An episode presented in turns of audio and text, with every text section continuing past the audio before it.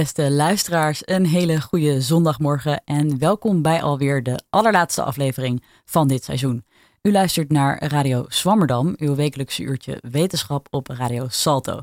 Ja, vandaag gaan we een klein beetje experimenteren. Uh, aan tafel vandaag geen gasten, maar redactieleden. We zullen terugblikken op de mooiste radiomomenten van dit jaar en ook even kort onze redactie voorstellen. Als u vaker luistert naar Radio Swammerdam, dan heeft u wellicht de grote diversiteit aan onderwerpen wel gehoord. En deze diversiteit die zien we terug in de redactie. Dus even een kijkje achter de schermen. Nou, allereerst zal ik mezelf even voorstellen. Ik ben Tanne van der Wal, uh, PhD-student aan de Universiteit van Amsterdam. En ik heb een zo te noemen beta-achtergrond. Ik heb uh, biomedische wetenschappen gestudeerd. Al moet ik zeggen dat het op Science Park dus schijnbaar bekend staat als dan de minste beta-studie. Maar goed, dat terzijde. Uh, op het moment uh, doe ik een PhD um, op uh, de UvA ook, op de beta-faculteit. En ik kijk daar naar borstontwikkeling. En dat doe ik op heel moleculair niveau. En als je daar nou meer over wil weten, daar heb ik dus een keer mezelf over geïnterviewd. Ja, zo klinkt dat. En die uitzending die staat online. En die heet De Lessen van de Jonge Wetenschapper. Dus als je daar meer over wil horen, dan, dan kan je die even terugluisteren. naast mij aan tafel zit Emrans. Ehm, ja, stel je voor. Nou, ik ben Emerans Kaptein. Ik ben momenteel uh, research master student filosofie aan de Radboud Universiteit in Nijmegen. Um, en ik doe de track Metaphysics and Philosophical Anthropology. Maar ik hou me eigenlijk vooral bezig met um, de fenomenen ruimte en tijd en de menselijke ervaring daarvan. Um, en daarvoor heb ik aan de Universiteit van Amsterdam filosofie gestudeerd. Hele andere hoek dan jij, Tanne. Um, maar dat vind ik eigenlijk heel leuk. En in het techniekhok zit Thomas. Die gaat zich nu voorstellen. Hi, uh, ik ben Thomas. Uh, nou, Tanne zei net al dat zij de minst beta-studie van Science Park doet. Volgens mij deed ik dat. Is psychobiologie. Uh, die heb dit jaar afgerond. En volgend jaar ga ik de nog minder beta-kant op. De sociale psychologie. En ja, ik heb het heel erg... we hebben een heel, heel leuk jaar gehad met z'n allen, volgens mij. En ben ik ontzettend trots op. Ik ben heel erg blij dat we dit vandaag gaan doen. Met z'n allen gaan terugkijken naar hoe we dit uh, jaar, wat we dit jaar allemaal gemaakt hebben. Ja, want Thomas zit in de techniekhoek, maar is wel technisch gezien uh, onze hoofdredacteur. Uh, dus uh, kudos voor Thomas. Uh, uiteraard is dit natuurlijk niet onze gehele redactie. Die is niet helemaal aanwezig vandaag. sommigen zitten op een festival, onder andere. Dus voor een vollediger beeld zult u toch naar alle voorgaande uitzendingen moeten luisteren. En daar heb je de hele zomer voor. En dat kan dus via uh, alle populaire podcastplatforms, uh, zoals bijvoorbeeld Apple Podcast, Spotify en SoundCloud. We gaan even terugblikken naar het afgelopen radiojaar. En we beginnen, uh, Imbrand, met een fragment dat jij hebt uitgekozen. Ja, ja ik denk dat je het beste ook zelf kan introduceren. Maar hij staat bij mij in het draaiboek als fragment De kunst van het zwemmen, bommetje. Ja, dat klopt. We gaan terug naar uh, december. Toen heb ik een uitzending gemaakt met Pelle over de kunst van het zwemmen. En die uitzending uh, begon eigenlijk met een rapportage van het NK Bommetje in het Sloterparkbad. En we interviewen iemand van Indoor Cliff Diving Amsterdam die daar wat toelichting over gaf.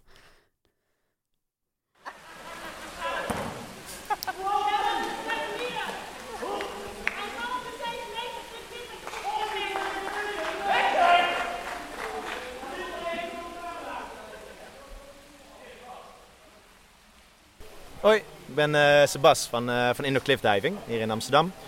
En we hebben net uh, de bommetjeskampioenschappen gehad.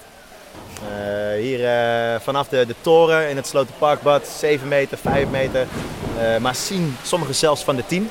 en ja, daar wil ik wel wat een en ander over vertellen. Ja, want we hebben net alle kandidaten al zien springen, maar hoe maak je nou echt het beste bommetje?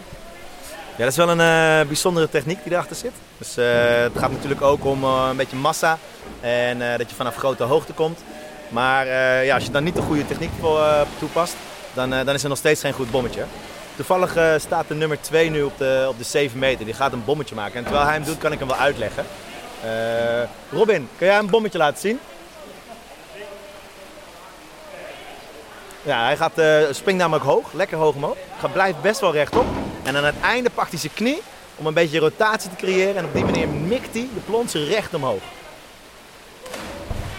Ja, recht omhoog. En boem! Juist, juist. 7,5 meter was deze bom. Net deed je hem in de wedstrijd van de 10 meter. Uh, dan kom je dus ook weer van wat hoger. Dan heb je nog meer snelheid wanneer je het water raakt. En toen kwam zijn plons, de, de hoogste spetter, op 9 meter. En dat was goed voor een tweede plaats in deze competitie. Zijn er records verbroken vandaag? Helaas net niet. De, de nummer 1, Martin, uh, die, uh, die heeft zelf al het Nederlands record staan van 9 meter 50. En vandaag was zijn bom 9 meter 40. Dus hij heeft net niet zijn eigen record verbeterd, maar hij heeft wel weer gewonnen. En jullie dragen allemaal van die, van die lapjes om je schouder, daar, daar droog je ook mee af. Uh, waar zijn die van? Ja, ik heb hier een, een seempje. En de seempjes die komen een beetje uit de schoonspringwereld. Dat uh, heb ik vroeger ook gedaan. En daarmee uh, droog je je af om warm te blijven. Maar misschien wel de belangrijkste reden waarom we het hebben is voor de G-kracht in de sprong. Dus als je heel veel salto's maakt en je draait heel snel, dan trekt je lichaam steeds meer uit elkaar. En als je dan nat en glad bent, glijdt alles uit. Dus als je je afdroogt, dan heb je meer grip.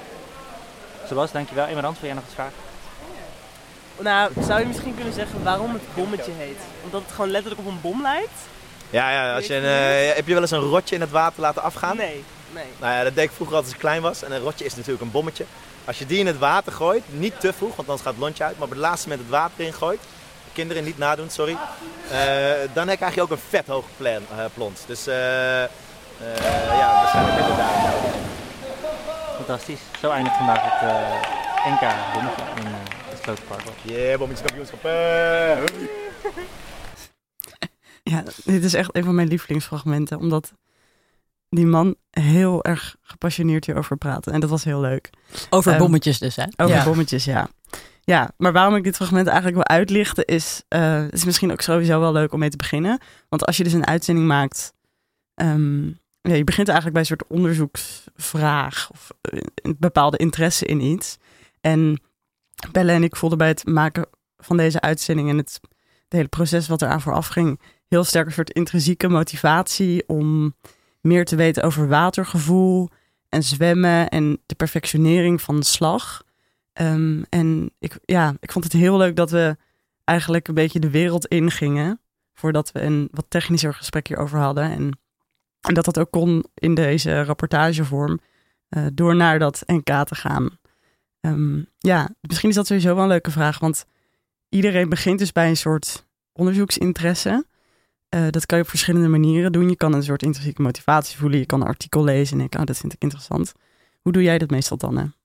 Ja, dat verschilt dus echt. Dat is inderdaad soms inderdaad wel een intrinsieke uh, motivatie. Dus die, die laatste uitzending over dierentaal, dat vond ik gewoon zelf echt heel interessant. En, en soms is dat uh, dat ik denk, oh, dit onderwerp vind ik onderbelicht bijvoorbeeld. Ik denk dat we daar zo naar gaan luisteren. We gaan zo luisteren naar een fragment uit een uitzending over menstruatie en depressie. Um, dat was echt zo'n voorbeeld waarvan ik dacht, ja, daar, daar hebben we te weinig over. Grappig bij die uitzending was dus trouwens dat ik dat onderwerp eigenlijk in mijn hoofd had. En toen ging kijken hoeveel onderzoek wordt daar nou naar gedaan. En soms blijkt dat dus gewoon eigenlijk niet zo te zijn of heel weinig zo te zijn. Ja. Het was, uh, bij die uitzending was dat ook zo inderdaad. Ja, ik heb dat ook wel een beetje. Maar dan ook vaak als je dan bijvoorbeeld, ja, gewoon soms heb je een bepaalde obsessie met iets en wil je iets weten. En dan ga je ja, op internet zoeken en dan kom je erachter dat we over bepaalde dingen heel veel te vinden is. Of heel veel onderzoek naar gedaan wordt. Dat had ik dus met uh, mijn uitzending over muggen. En toen ja, zijn hele onderzoeksinstellingen gewoon gebouwd om onderzoek te doen naar muggen. Omdat dat best wel gewoon met uh, ziekteinfecties gewoon echt een serieus probleem is. En toen dacht ik, dat is echt super leuk om te combineren. Maar inderdaad, soms heb je ook iets dat je denkt, ik wil iets maatschappelijks onderzoeken. Of ik, ja, ik ben hier heel gepassioneerd over zelf. En ik wil hier gewoon mijn, mijn, mijn passie over gewoon uitdragen op de radio het verschilt ook wel steeds, elke keer. Ja. En nu wil ik dan, voordat we dus naar het fragment gaan over die menstruatie, wil ik nog wel even één ding zeggen over dit fragment met betrekking tot het bommetje. Ja. Ik wil even onze excuses aanbieden aan Indoor Cliffdiving als redactie. En eigenlijk ook hier nou gewoon live op de radio zeggen. Zij hadden ons namelijk uitgenodigd om ook even zelf een bommetje te komen doen met de redactie. En daar hebben we eigenlijk volgens mij niet meer op gereageerd. We hebben dat toen besproken. En nu ik het naar weer terugluister, denk ik ook wel ja, 7 meter is ook wel hoog. Uh, maar ik ga nu gewoon even zeggen dat we dat misschien toch nog maar even een keer moeten gaan doen. En met de redactie uh, uh, die uitnodiging om dat bommetje te komen maken, um, maar moeten accepteren. We gaan verder naar het volgende fragment. En dat is die eentje die Thomas heeft uitgekozen. En die komt dus uit de aflevering over menstruatie en depressie. Ja, ik vond dit een heel mooi fragment. Want het illustreert heel goed ja, het ging dus over het slikken van de pil en het voorkomen van depressie.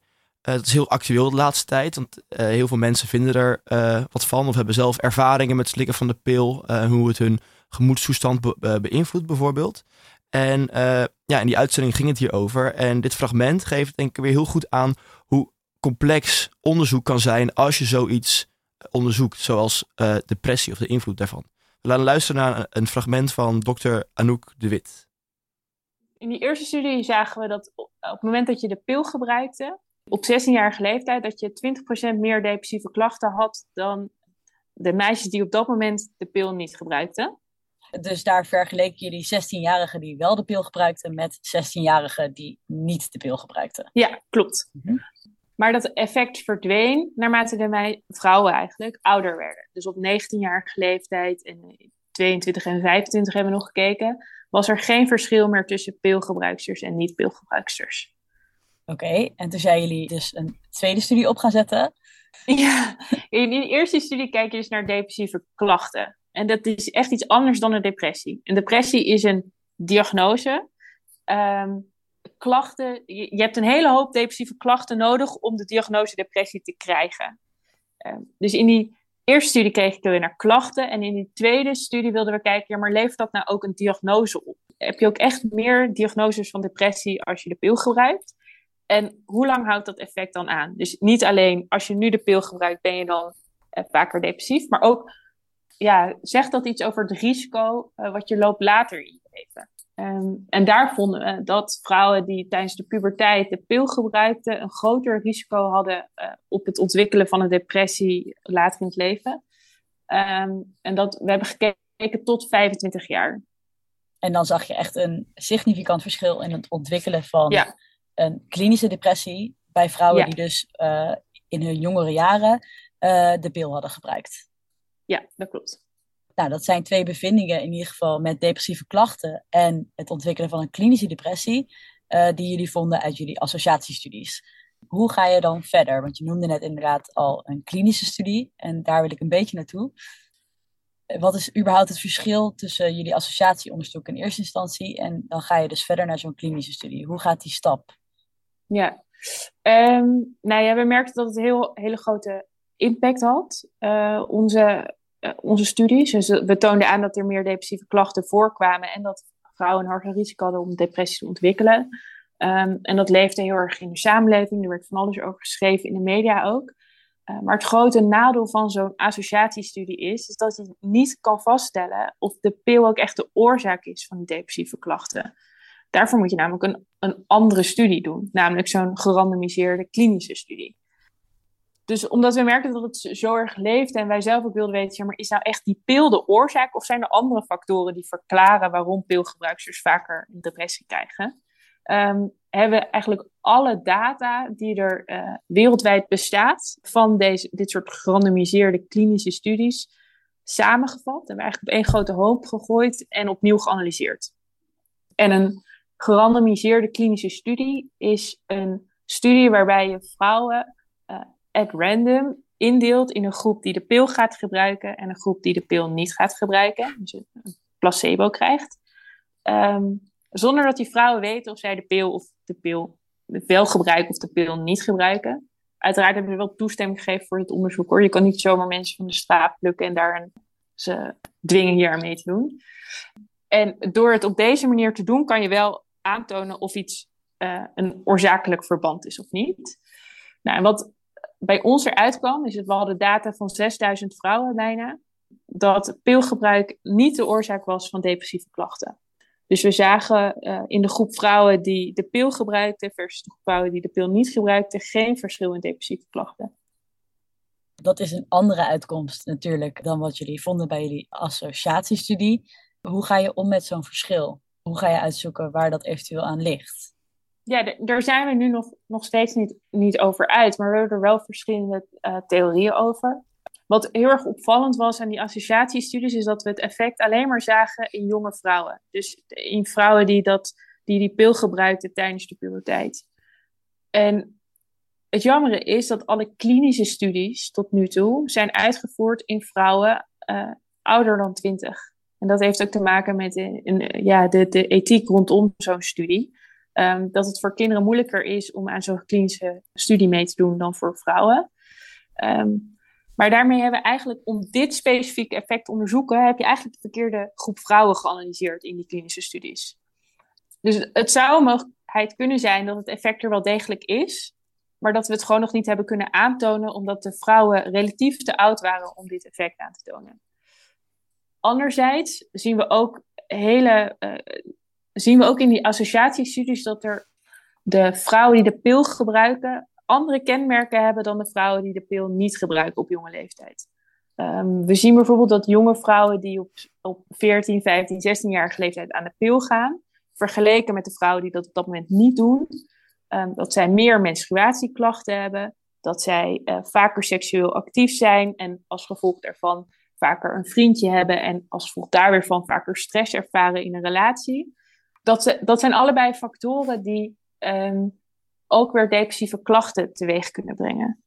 En dat maakt het zo'n associatiestudie dus zo moeilijk. Het kan ook best zijn dat, de, dat het type vrouw dat de pil gebruikt op jonge leeftijd uh, zich al een hoger risico heeft op het ontwikkelen van depressieve klachten. En dat het niet per se die pil is.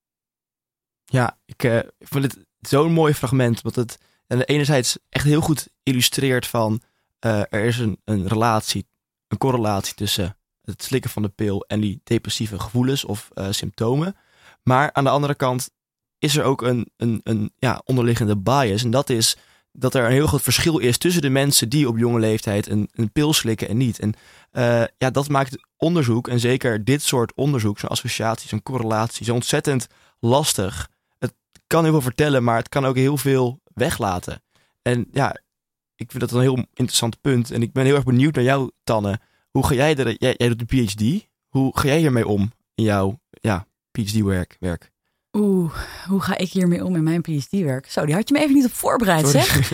um, ja, ik denk dat dit onderzoek wel. Uh, ik wil niet zeggen dat het complexer is dan het onderzoek dat ik doe.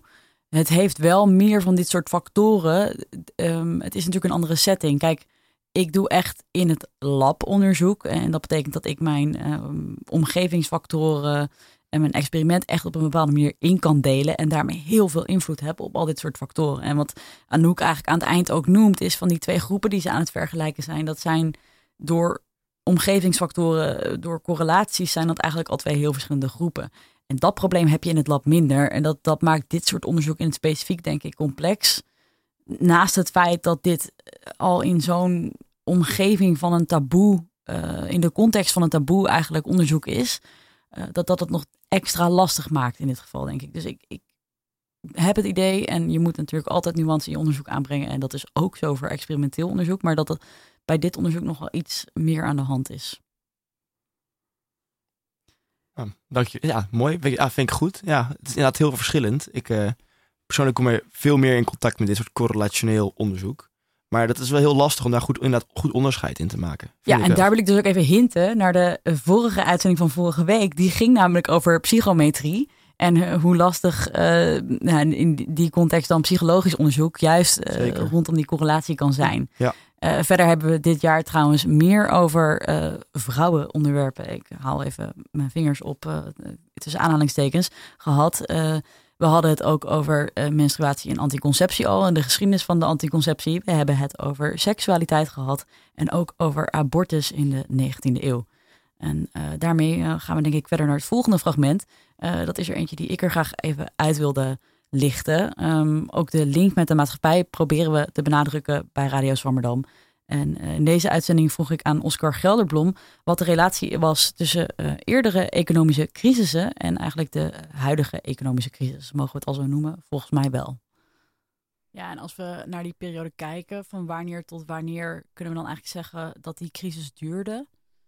Nou, je zag in uh, dus 1929, weten we allemaal, de Wall Street crash. Toen was er nog niet zoveel aan de hand in Nederland. En dan zie je eind 1930 begint de werkloosheid op te lopen. In 1932 is hij op uh, meer dan 15 procent. En dat blijft hij dan een jaar of zes. Uh, tot 1936 en dan in 1937 begint het langzaam weer beter te worden. In hoeverre kunnen we dat nou vergelijken met de huidige crisis hier? Want als ik dit zo hoor, dan denk ik, oeh, dan zitten we aan het begin. Mocht dit ook zo lang ja. duren. Uh, in hoeverre verschilt de huidige crisis van deze crisis in de jaren 30? Nou, als we gewoon kijken zoals wij uh, uh, allemaal als burgers uh, elke maand moeten proberen rond te komen, ehm, is er één grote overeenkomst, namelijk dat dat steeds moeilijker werd, toen ook.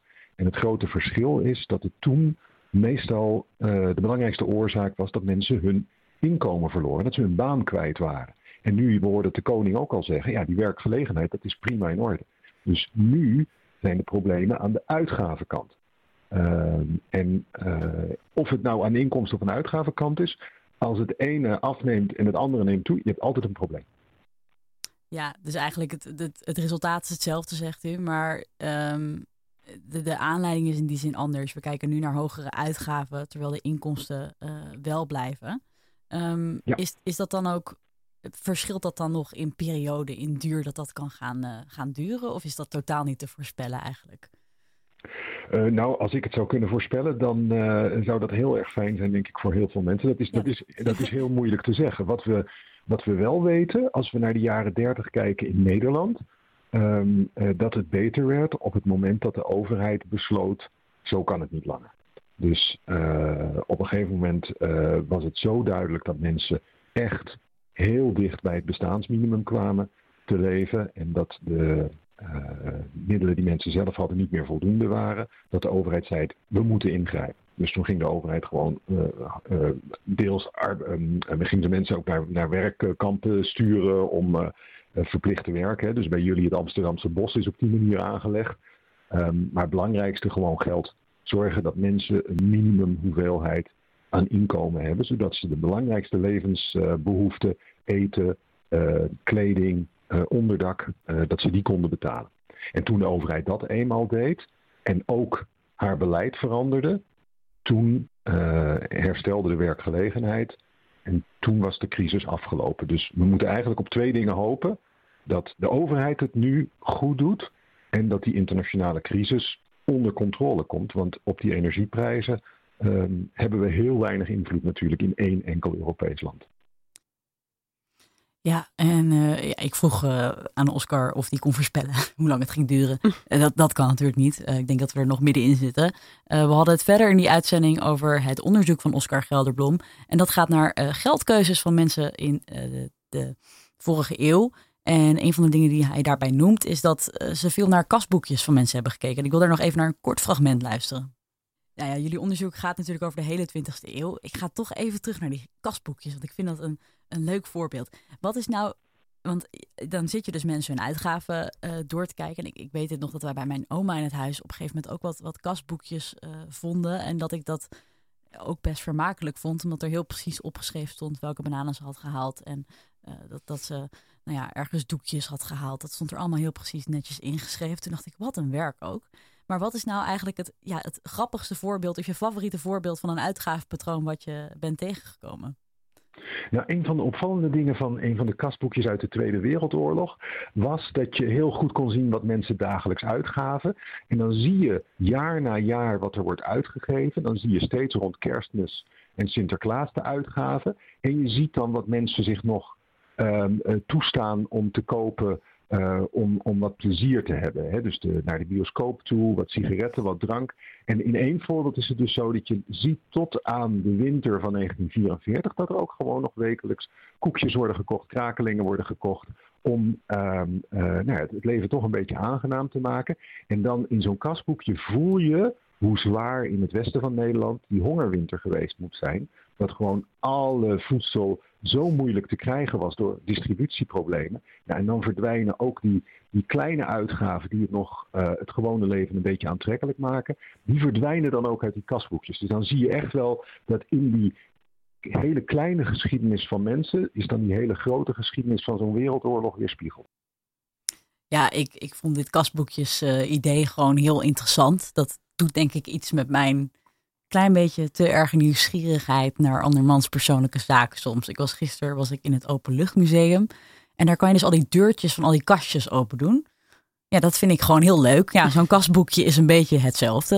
Um, hebben jullie nou gekke uitgaven die er bij jullie uit zouden komen als er van jullie een uh, kastboekje tevoorschijn zou komen? Nou, als, ik, als, het, als het betekent dat je ook precies je boodschappen zeg maar moet noteren.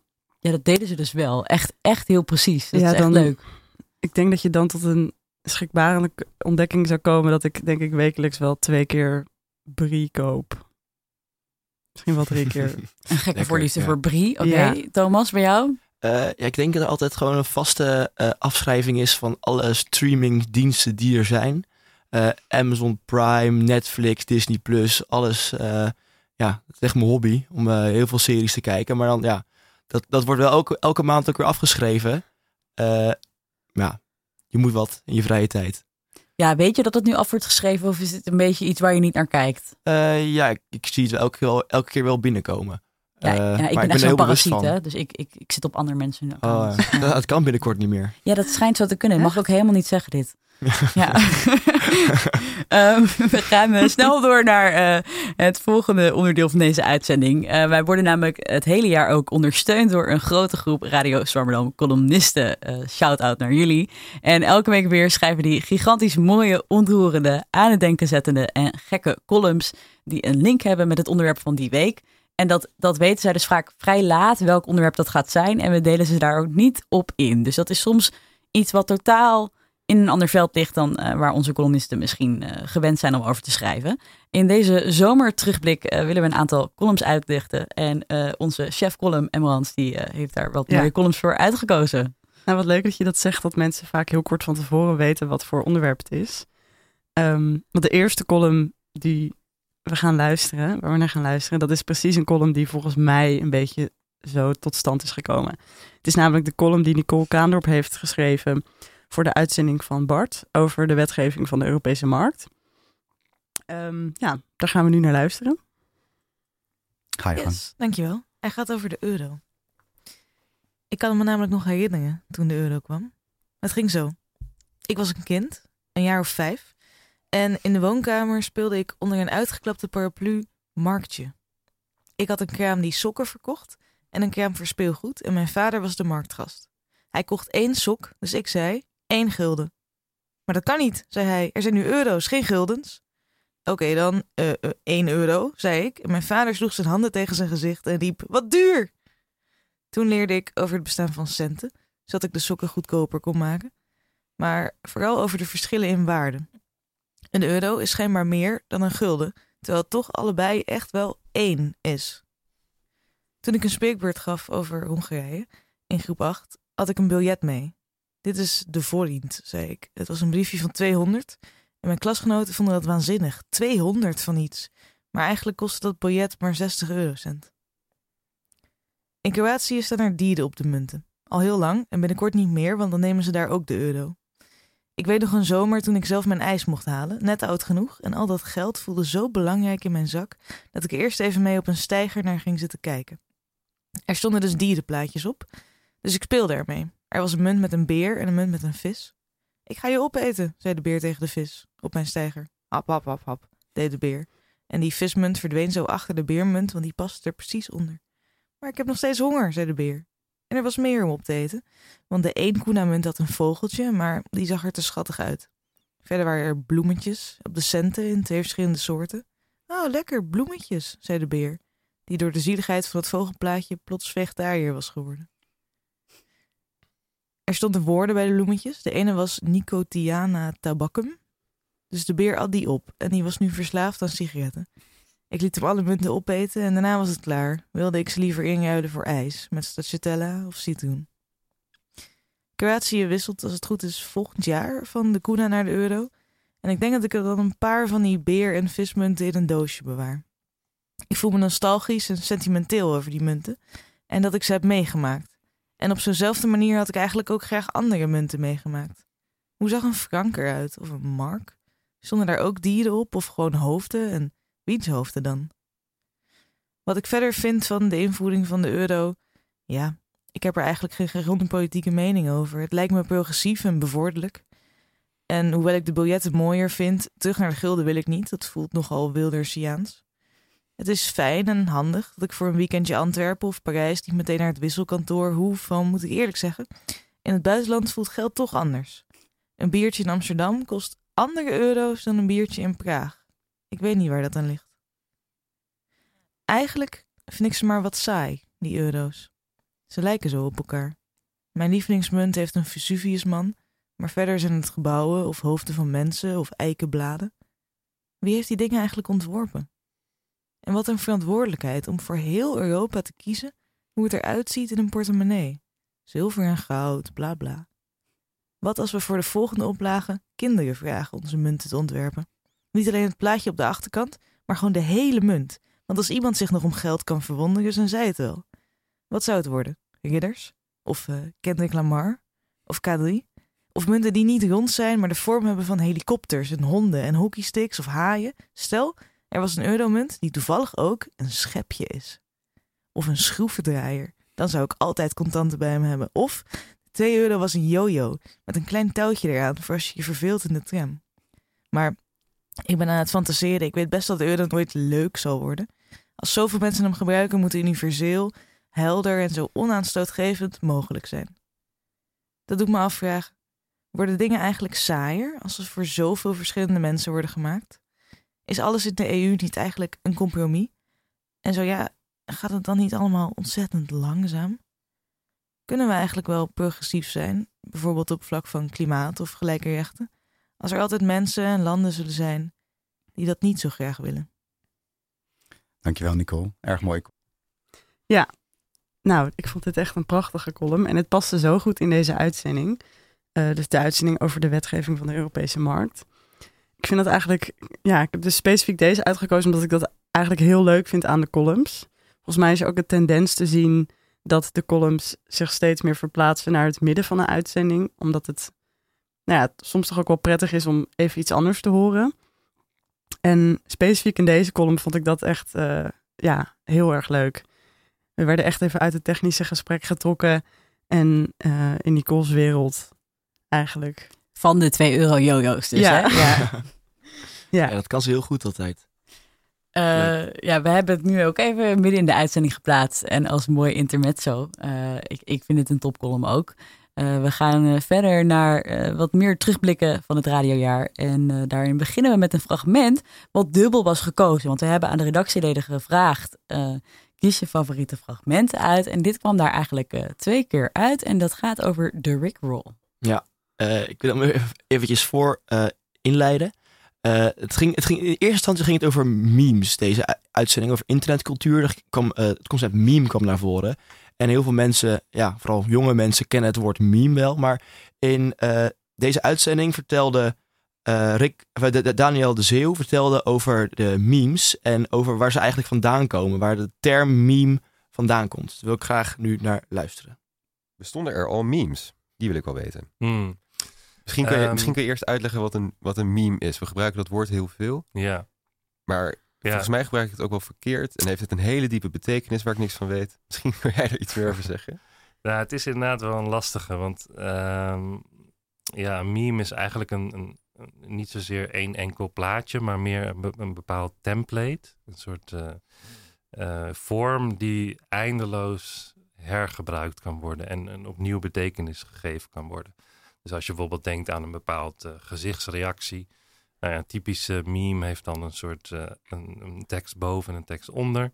Gebruik meestal dat uh, impact font, dus dat hele agressieve, dikke font. En nou ja, mensen die gebruiken dat in allerlei verschillende contexten om een soort uitdrukking te geven aan, aan iets. dus memes circuleren, zijn makkelijk reproduceerbaar. En ja, worden creatief gebruikt. Terwijl bijvoorbeeld als je denkt over viral video's bijvoorbeeld. Die worden in principe niet veranderd. Die worden wel heel snel gedeeld. En die verspreiden zich heel snel over het internet. Maar het is altijd gewoon dezelfde video. Dus wat, wat een meme memetisch maakt, is juist dat moment van creatieve toe-eigening. Memetisch? Ja, memetisch. Dus meme is nou ja, oorspronkelijk door Richard Dawkins dan um, een soort van uh, ja, de wereld ingebracht als idee van nou, ideeën culturele eenheden die functioneren eigenlijk net als, uh, als genen. Dus die muteren en die verspreiden zich en alleen de beste die overleven uiteindelijk. um, dat was in de jaren negentig ook een tijdje een soort hype van memetics. Dus dat je alle cultuur en intellectuele geschiedenis kon je reduceren tot uh, genetische, biologische, evolutionaire principes. Nou, dat was natuurlijk wat al te gek, dus dat is een klein beetje in, onbruik geraakt als soort pseudo-wetenschappelijk. Uh, maar goed, er is nog steeds wel veel aandacht voor ja, je kunt kijken naar representatie, naar wat betekent een meme, maar je kunt ook kijken naar hoe circuleert het en, en wat is het belang van hoe die culturele eenheden circuleren. Dat is ook wel waar een deel van mijn onderzoek zich op gefocust heeft. Je moet ook denken aan, aan de Rickroll. En Brands, ben je wel eens gerickrolled?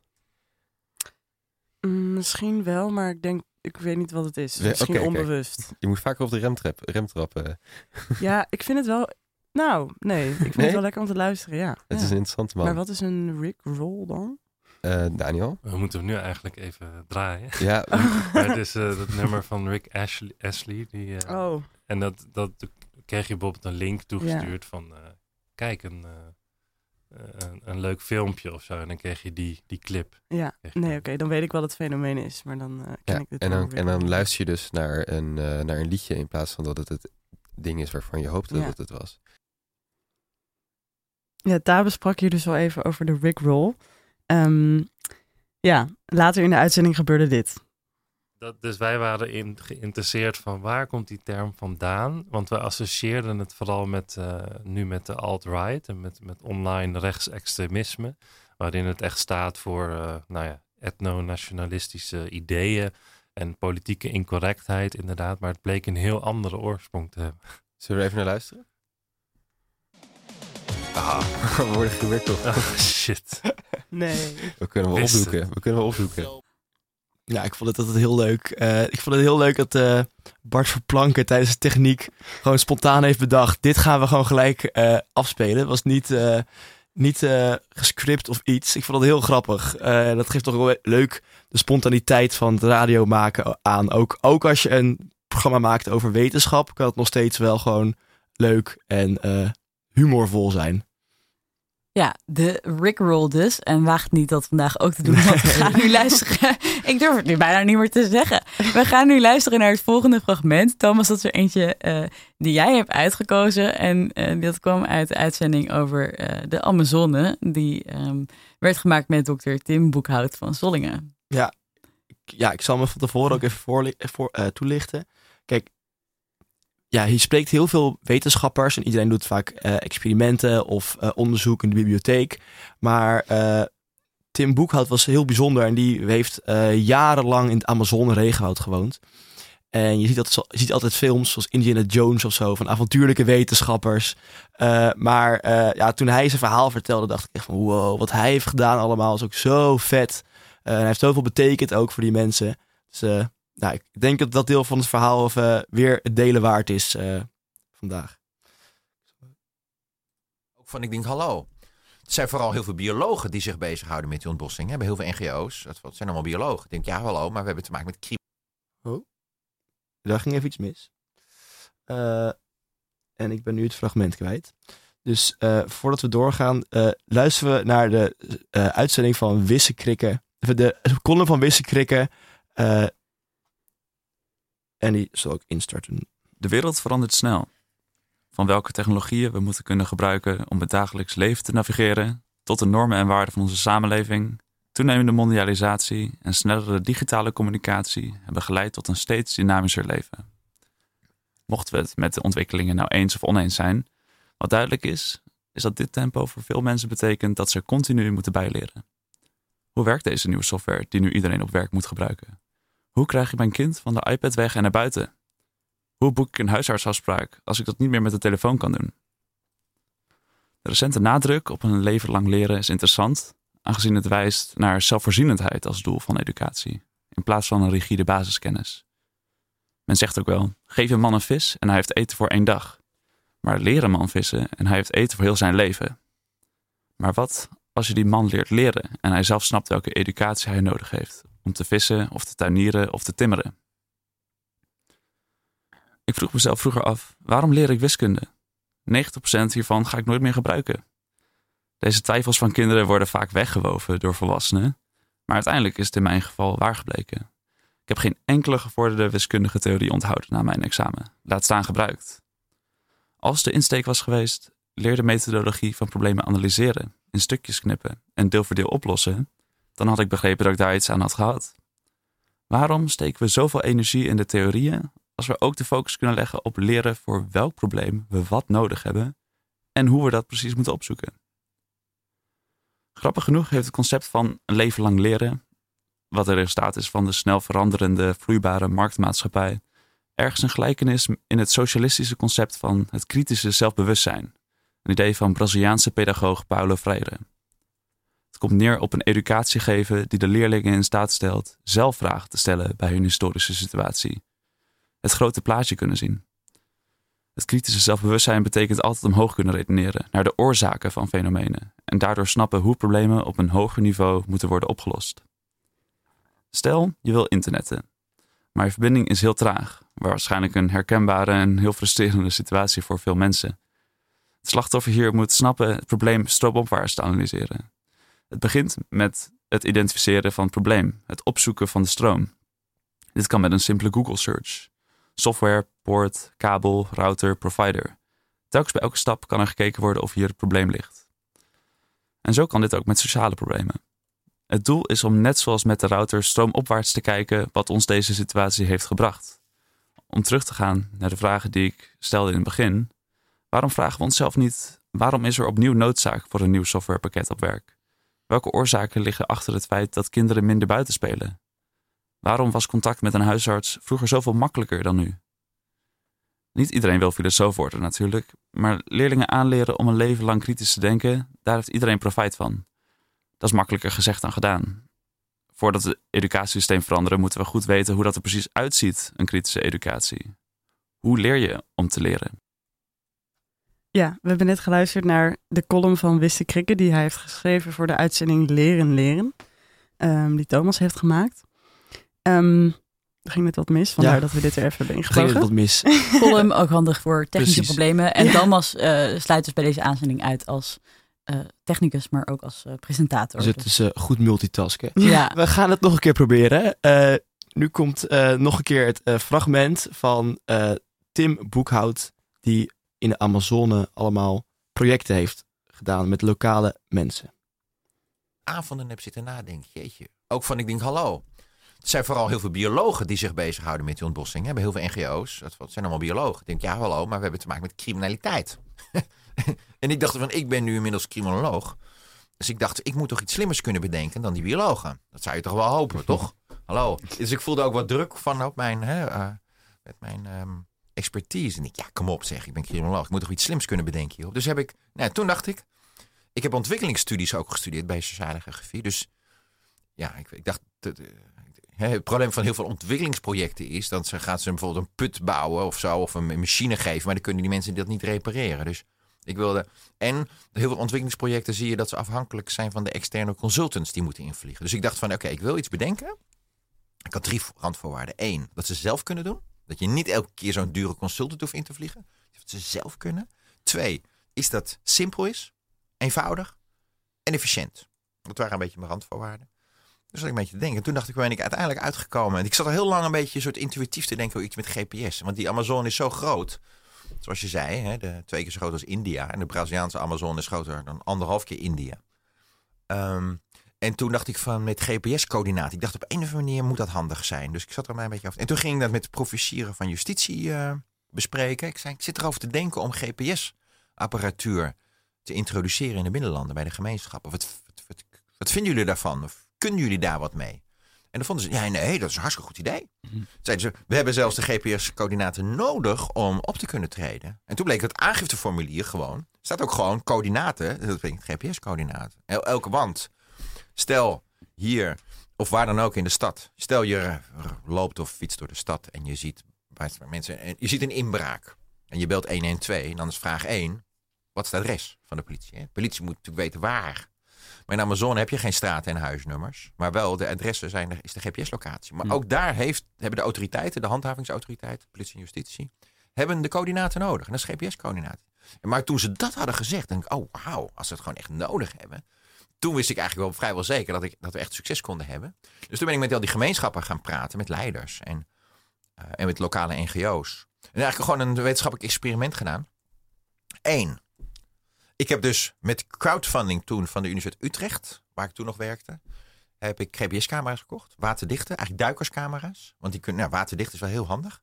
Anders kan je maar een jaar met je camera doen. Dan komt toch vaak vocht in. Hoor, die Hm. meer dan 90% vochtigheid. Dus duikerscamera's. Maar die ook heel makkelijk die GPS-locatie kunnen registreren. Hm. Gewoon, kan je gewoon Portugees zetten. Ehm, en toen heb ik er een ehm, aantal gegeven. Eigenlijk aan, aan, aan mensen die bossen beschermen. Gewoon lokale gemeenschappen die sowieso al bossen beschermen. Maar die ook gewoon met de dood bedreigd worden daardoor. Weet je wel. Of ont, nou ja, heel ontvoerd zijn daardoor. En, ehm, dus dan moet je ook heel erg kijken waar. Want het mag ze niet extra in gevaar brengen. Weet je wel. Daar moet je ook natuurlijk eh, op letten. Dus nou, heel met allemaal lokale mensen besproken. Van waar dan? En toen, en, want ik, wat moest je testen? Eén. Eén. Gaan ze foto's maken van illegale bosactiviteiten? Twee. Gaan die foto's daarna naar de handhavingsautoriteit? Want dat is in de stad. Dat is één, twee of drie, eh, drie dagen afstand, snap je? Dus bereiken die foto's de handhavingsautoriteiten? En dan de derde. Gaan die handhavingsautoriteiten dan iets doen? Handhaven. Nou ja, en 1, 2 en 3 was gewoon ja. Want Ik ben dus begonnen met Chief Dada Borari. Die, eh, omdat hij al goed georganiseerd was. En die had een heel team opgezet. Van Forest Guardians, bosbewakers in hun inheems gebied. En hij, waar hij, hij is chief van een inheems gebied. En een inheems gebied in Brazilië, in de, Brazilië hebben, die hebben eh, GPS-grenzen. Onzichtbare GPS-grenzen. En in inheems gebied mag je niet binnen. Buitenstaanders mogen, is, verboden naar binnen te gaan. Als je gewoon in zo'n inheems gebied bent, zonder toestemming van de chief. Of zonder toestemming van de autoriteit. Dat is illegaal. Dus dat maakt de bewijslast ook weer heel makkelijk. Dat als ze gewoon binnen zijn, een, houthakkerstruck of gewoon houthakkers of mij, wat dan ook. Zijn, en dat zijn onzichtbare grenzen, er zijn geen hekken omheen. Maar dat kan je met die GPS dus zo lui, makkelijk aantonen. En ik wist, daarvoor hadden ze heel vaak discussies. Bijvoorbeeld dan patrouilleren ze. En dan komen ze een houthakkersploeg tegen. Ze zeggen, hé, hey, stop er nou mee. Dit is ons gebied. Nee, helemaal niet. We hebben hier een eh, concessie. Nee, helemaal niet. Dit is ons gebied. Nou, heel veel gedoe. Het is gewoon gebeurd dat Chief daar met z'n allen... dat ze gewoon twee dagen een groep hebben vastgehouden. Chief daar naar de stad. En kwam met een helikopter. Twee dagen. Moest gewoon een paar dagen die groep vasthouden. Allemaal gedoe. En geruzie. En, eh, en met die nieuws, met die coördinaten. Nee, hup, dit zijn de coördinaten. Ehm, nou, en ons, ik heb in 2015 de eerste camera aan Chief daar gegeven. En in 2016 hadden zij al heel groot succes. En eh, want wat bleek nou? Er waren allemaal houtbedrijven in hun gebied. Eh, hadden ook gebouwen. En, en, en, en dus ze maakten foto's van die gebouwen van houtbedrijven. Nou, het coördinaat is gewoon duidelijk in het gebied. En ook enorm stapels boomstammen. Foto's gemaakt. Twee dagen varen naar de stad. Hij ging naar de handhavingsautoriteiten. En hij zei, ja, ik heb eh, foto's van illegale bosactiviteiten in ons gebied. Er werd een beetje lauw op gereageerd. Maar toen zei hij, nee, maar ik heb ook coördinaten, GPS-coördinaten. Dus oh, heb je GPS-coördinaten? Geef hem even hier. Zo gaan we, dus hij geeft die coördinaten. Ze typen het in. Want Brazilië heeft een zeer van alle tropische landen heeft Brazilië het meest geavanceerde satellietwaarnemingssysteem van bossen. Dus die typen dat in en dan krijg meteen een, hele- wand vol eh, schermen. Poef, krijg meteen de satellietfoto van die coördinaten. Dus, en hey, hij had het van opzij, hè, van die gebouwen, van die houtbedrijven. En hup, zij krijgt, hmm, ja, lijken wel dezelfde gebouwtjes. Stapels boomstammen daarnaast, hmm, hij het zij-aanzicht, zij bovenaanzicht. Hmm, ja, lijken wel dezelfde. Hmm. Ik hier de chief die zegt dat het illegaal is allemaal.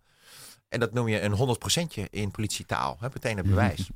En eh, dus de politie heeft voorbereid, eh, eh, operatie voorbereid. Joint Operation van de IBAMA, Milieupolitie en de federale politie. De Braziliaanse FBI. IBAMA, de Milieupolitie, heeft, laten we zeggen, problemen met corruptie. Dan weet je nooit wie of iemand te vertrouwen is. Maar bij de, de Braziliaanse FBI, dat is de Braziliaanse FBI, daar heb je geen corruptie. Dus als die meegaan, dan weet je dat alles volgens het boekje gaat. En dat niemand gekke dingen gaat doen. Dus joint operation, helikopters, gewapende mensen met kogelvrije vesten. Zo gaat dat, eh, de milieuhandhaving in Brazilië. En eh, alle houtbedrijven zijn weg, boetes gekregen. Ja, ik eh, vond het zo, ja, zo mooi om te horen dat hij met zijn idee ja, de mensen in het Amazone-regenwoud zo, zo erg kan helpen. En dat er toch nog actie en spanning en sensatie bij komt kijken. Ik vond dat, hing aan zijn lippen toen in die uitzending. Ik vond het heel mooi. Ja, en eh, daarmee komen we een beetje aan het einde eh, van deze terugblik. Ik kijk even naar techniek. Ik denk dat we ook wel eh, klaar zijn met de fragmenten en niet meer tijd hebben voor nog eentje. Wat ik wel eventjes wil doen, is een beetje muziek luisteren als outro.